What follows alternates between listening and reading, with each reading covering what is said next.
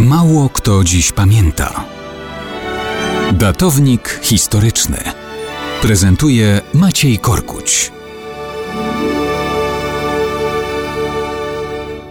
Mało kto dziś pamięta, że 3 stycznia 1665 roku na warszawskim rynku przed ratuszem stanął Konstanty Kotowski. Pułkownik, zasłużony żołnierz na wojnach przeciw Szwedom i Moskalom. Był postacią jakby wprost wyjętą z potopu Sienkiewicza.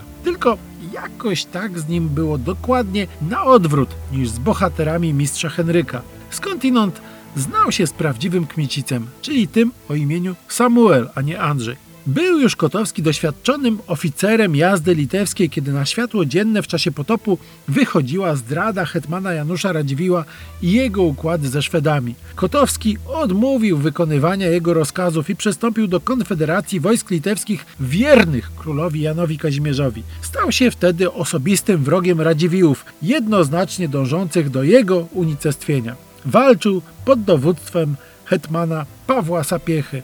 Król za zasługi w wojnach ze Szwedami nadał mu godność marszałka powiatu mozyrskiego. Potem Kotowski walczył z Rosjanami, ale jego drogi z Rzeczpospolitą się rozchodziły. W 1661 roku przystąpił do konfederacji nieopłaconego wojska, które stopniowo podążało w stronę buntu. Przyjęło nazwę tzw. Tak Związku Braterskiego. Kotowski był jednym z marszałków tego związku.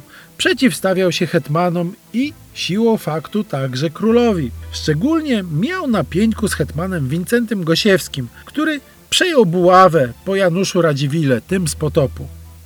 W 1662 roku Gosiewski jedzie do Wilna na negocjacje ze zbuntowanymi żołnierzami. Kiedy rysuje się plan porozumienia, Kotowski tego nie akceptuje. Doprowadził do pojmania hetmana Gosiewskiego i swojego niedawnego przyjaciela Kazimierza Żeromskiego. Tego ostatniego rozsiekano szablami. Natomiast hetmana Gosiewskiego z zimną krwią rozstrzelano. I ten mord zniechęcił szlachtę do związku. Żadne wyjaśnienia Kotowskiego nie pomagały.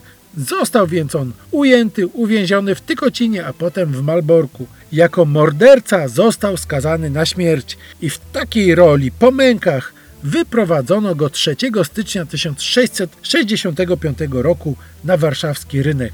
Tam został ścięty, a potem poćwiartowany. No, przyznacie Państwo, że to całkowita odwrotność Sienkiewiczowskiego Kmicica Babinicza.